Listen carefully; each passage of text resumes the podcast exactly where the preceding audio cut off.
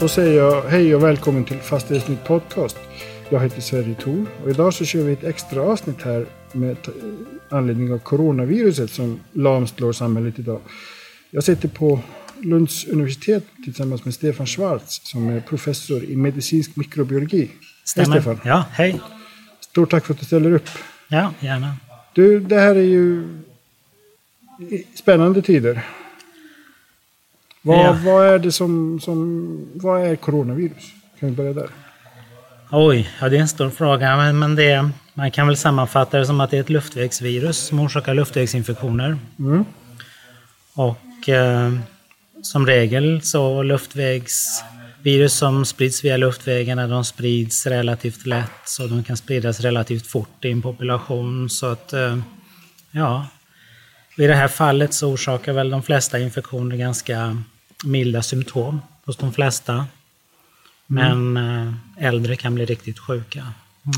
Men vi får ju influensa varje år som vad jag läst eh, ändå dödar ju ett, ett, ett antal människor, ett par miljoner i världen varje år. Vi, får, vi har fått svininfluensa för några år sedan, vi har fått fågelinfluensa, sars. Men det har aldrig blivit sån här reaktion. Vad, vad, vad är det som skiljer corona från de här? Vi känner ju till influensa. Det, det återkommer år efter år. Så att eh, vi vet vad det är för typ av virus vi, vi har att göra med. Och många har träffat på influensaviruset innan och har byggt upp immunitet. Så svininfluensan som du nämnde, då klarade sig ju äldre personer relativt bra för att de hade träffat på viruset eller snarlika virus tidigare och hade en viss immunitet och var skyddade. Så skillnaden här med coronaviruset som vi har nu, med covid-19, det är att det är ett nytt för oss människor. Vi har inte träffat på det här viruset förut. Det finns ingen immunitet hos befolkningen så att alla är mottagliga. Så det är en jättestor skillnad mot influensavirus. En annan stor skillnad är att man ser väldigt tydligt att, att ålder är en riskfaktor. Att äldre personer kan bli allvarligt sjuka. Så, och, och det är väldigt, väldigt tydligt att, att just hög ålder är en riskfaktor. Okej, okej. Vi pratade innan, innan vi drog igång om spanska sjukan och det känns ju som att någon form, det finns någon form av rädsla för att det här är den nya spanska sjukan. Kan det vara så? Ehm, det kan man inte säga att det är, det är svårt att jämföra med spanska sjukan. Det finns ju likheter och olikheter, men det, det märkliga är när man kommer tillbaks till det här smittämnet virus som är, är väldigt speciellt, det är att de kan ändra sig väldigt mycket. De kan förändras snabbt. Och spanska sjukan var ett influensavirus som, som hade förändrat sig på ett sådant sätt att det blev väldigt eh, patogent, väldigt sjukdomsframkallande. Och sånt kan hända och den rädslan finns alltid, speciellt inom, för influensavirus. Men, men, men det här viruset, det, det beter sig på sitt sätt som sagt. Och det, det stora problemet är att ingen har träffat på det förut, så att det sprids så väldigt snabbt i, hos oss människor över hela jorden. Då. Men sen när vi bygger upp immunitet så kommer vi ju bli skyddade mot det här viruset förhoppningsvis. Mm. Det, det är ju samma, vad jag förstår så är det väl snarlikt det här eh, så kallade sars-viruset som kom fram i Kina i början av 2000-talet. 2003 2004 ja, 2003. Det är inte så pass likt att det finns en immunitet där. Det var ändå några tusen människor som fick det i världen. Ja, det var nästan 10 000 antagligen, som vad man vet.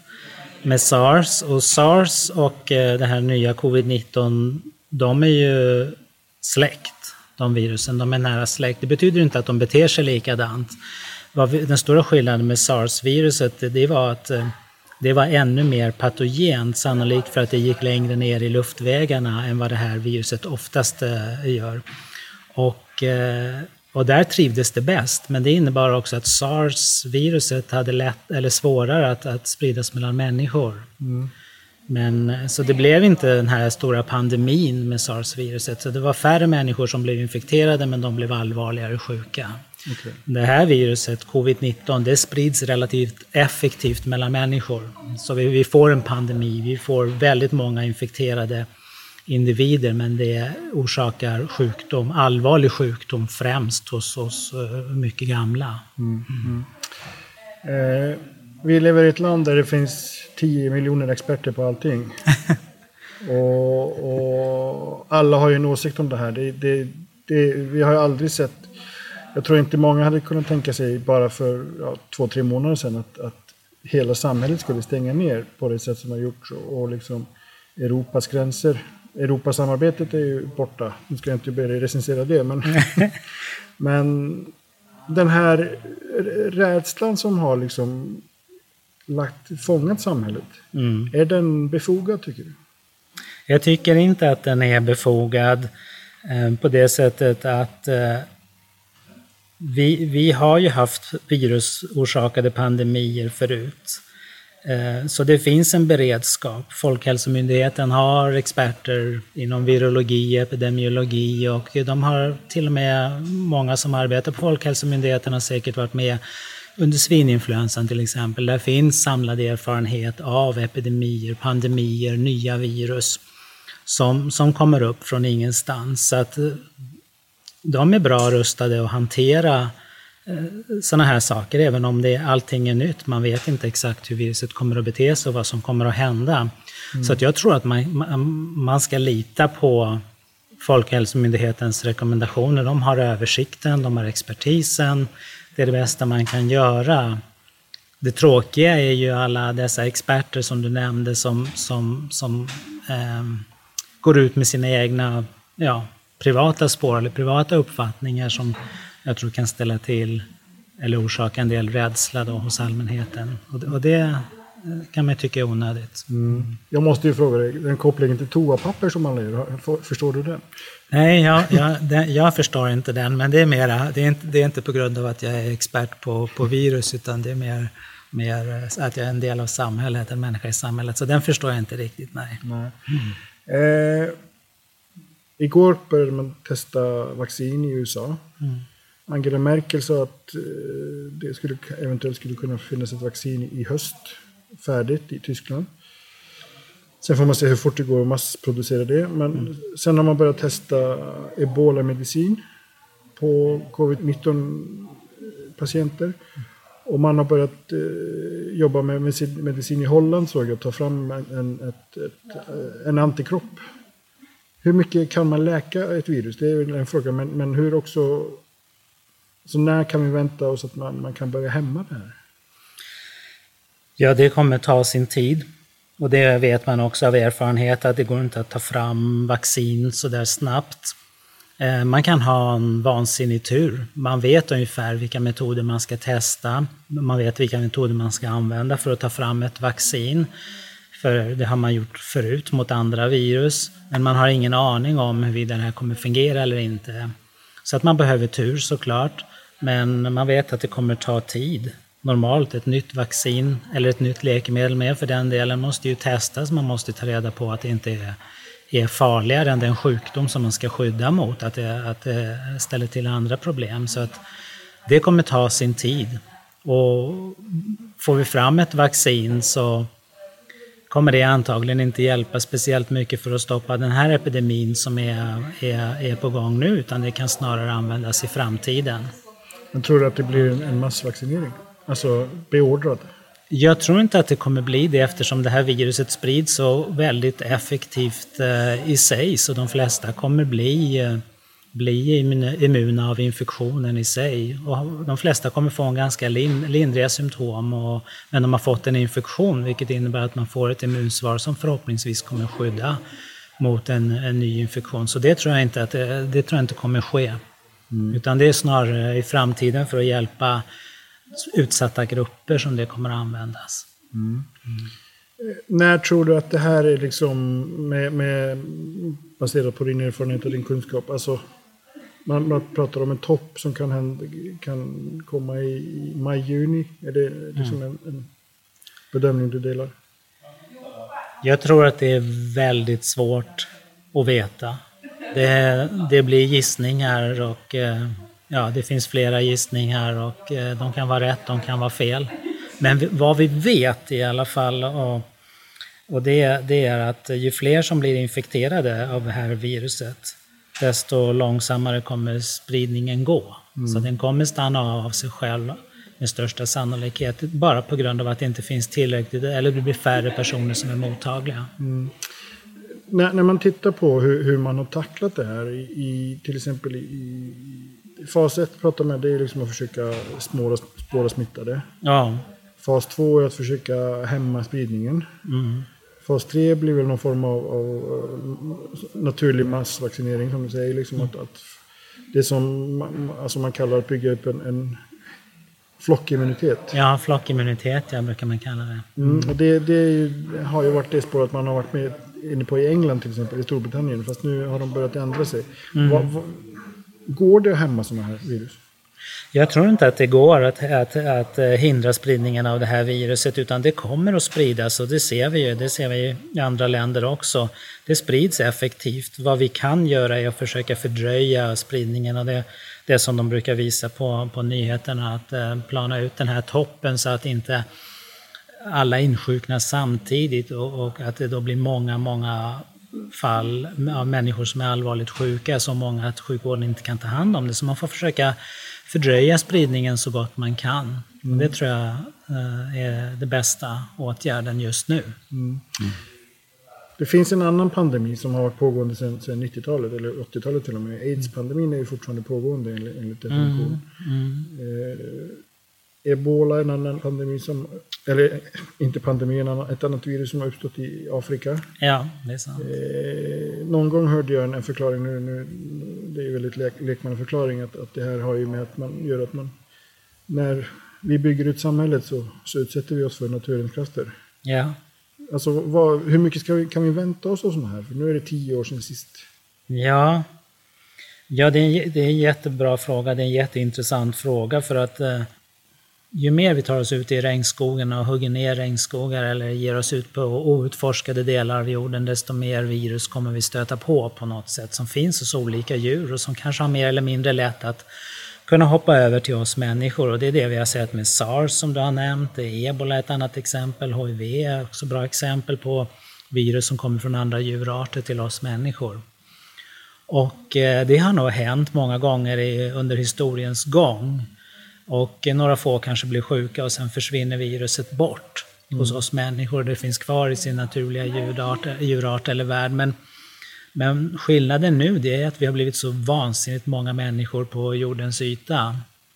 Så att viruset kan lätt spridas, och speciellt i stora städer med, med mycket miljoner människor så kan de här virusen då verkligen spridas effektivt. Och lägger man till då resandet gör ju att det här kan gå väldigt snabbt att virus kan snabbt ta sig från en världsdel till en annan och fortsätta att spridas.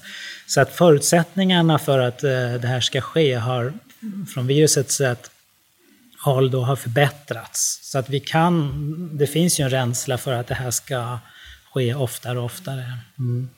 Och Zika-virus som vi hade för några år sedan är ett annat exempel på ett virus som spreds, spreds till en världsdel där det inte hade funnits tidigare. Jag läste eh, en av de experter som har varit på, på tv rätt mycket, Ja. Björn Olsen va? Björn Olsen, ja. Ja, Björn Olsen. Han, han har ju sagt att eh, det här har ju också med våra, våra levnadsvanor att göra. Liksom att, till exempel att vi, vi håller djur på ett helt annat sätt än vad vi gjorde innan. Eh, är det någonting som kan vi genom att lägga om vår moderna livsstil undvika det här eller är det här liksom någonting vi får leva med? Jag tror att, vi, att det är så att vi kan nog få leva med det samtidigt som vi måste ju lära oss från erfarenheter som här, att det, har, det här viruset, nya coronaviruset, det sannolikt har spridits från en djurmarknad eller att det kommer från djur till människor är ganska säkert även om man inte vet exakt vilket djur som har överfört det så kan man ju lära sig av det att eh, undvika ha djurmarknader eller marknader med levande djur till exempel. Så visst, man får ju lära sig varje gång för att minimera riskerna. Det tror jag absolut man kan göra. Finns det något sätt att skapa liksom en kollektiv immunitet mot alla virus? Jag tror att det är omöjligt. Den här, det finns två grupper av virus. Man brukar dela in virus i de som har DNA som arvsmassa och de som har RNA som arvsmassa. Och eh, de som har RNA som arvsmassa, bland annat HIV, ebola, zika, coronavirus, influensavirus. Och de har en fantastisk förmåga att förändra sig hela tiden. Så när vi blir, bygger upp immunitet mot viruset förändrar sig viruset och kommer tillbaka igen ett, ett år senare, som influensa till exempel. Mm. Andra kanske inte är lika förändringsbenägna, men, men, men just den här gruppen RNA-virus, de förändrar sig väldigt, väldigt mycket och väldigt, väldigt effektivt. Så att, eh, det är nog väldigt svårt att tänka sig att man skulle bli immun mot alla virus, även om tanken är, är lockande. Ja, eller hur? Mm. Eller hur? Mm. Det snackas om att det kan komma en, en till topp i höst, mm. som då blir lite flackare antar jag. Men, men hur...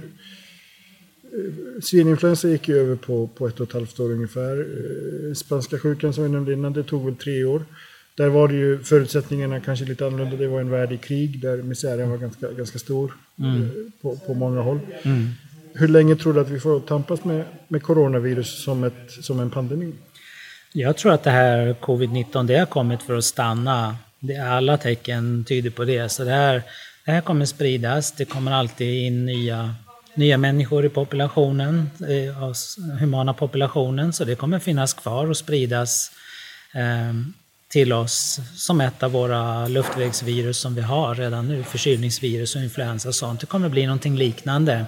Mm. Så det som är så speciellt just nu det är att det går med en sån rasande fart. Att, att det är ett nytt virus i humana populationen. Det är så många, alla är mottagliga så att det sprids så snabbt. Mm. Och att det blir väldigt många Även om de flesta inte blir allvarligt sjuka så blir det väldigt många allvarligt sjuka på en gång. Så det gör att det blir svårt för sjukvården. Det är det som är speciellt just nu. Sen kommer det här försvinna bort eller det, det, kommer planas ut, den här spridningen, men viruset kommer finnas kvar. Mm. Men, men, den här eh, rädslan och att, att det ska bli så många fall på en gång, den, den kommer ju försvinna bort. Mm. Nu sitter vi här i, i, i ett, ett öppet utrymme på Lunds universitet. Ja. Normalt skulle det väl myllra av liv här? Ja, här skulle det vara mycket studenter som sitter och ja. fikar och pluggar och läser, men det är nästan tomt nu. Mm. Eller det är väldigt få personer här. Som lyssnarna hör så är det några tappra här som hörs i bakgrunden. Ja. Men, man har ju tagit beslut om att, att, att stänga skolor. Det pratas om att det är politiska beslut som inte är vetenskapligt förankrade kanske. Mm. Är det den kloka vägen att gå eller är, bör vi liksom jobba för att bygga upp flockimmunitet? Jag, jag tror att, um, att det, det blir spekulationer och det blir gissningar bara om jag skulle svara på de frågorna. Jag tror verkligen att det är så att Folkhälsomyndigheten de har en översikt av det här och de, de, eh, de bestämmer sig för åtgärder som är kloka och de gör det i rätt tid. Så, så kommer besluten därifrån så tror jag att det är ändå det, är det bästa man kan göra. De ju, de, universiteten är ju stängda men eh, annars är ju skolorna fortfarande öppna. Mm. Anders Tenning, statsepidemiolog, ju, har ju blivit lite av en kändis nu senaste veckorna. Och det är väl så att varje statsepidemiolog får en epidemi att, att hantera. Under sin, de brukar väl sitta i cirka tio år. Eh, tror du han kommer få fler närmaste åren? Vi hoppas att det inte blir så. Men, men man kan ju inte utesluta det. Mm. det mm. Nej, nej det, det, är bara...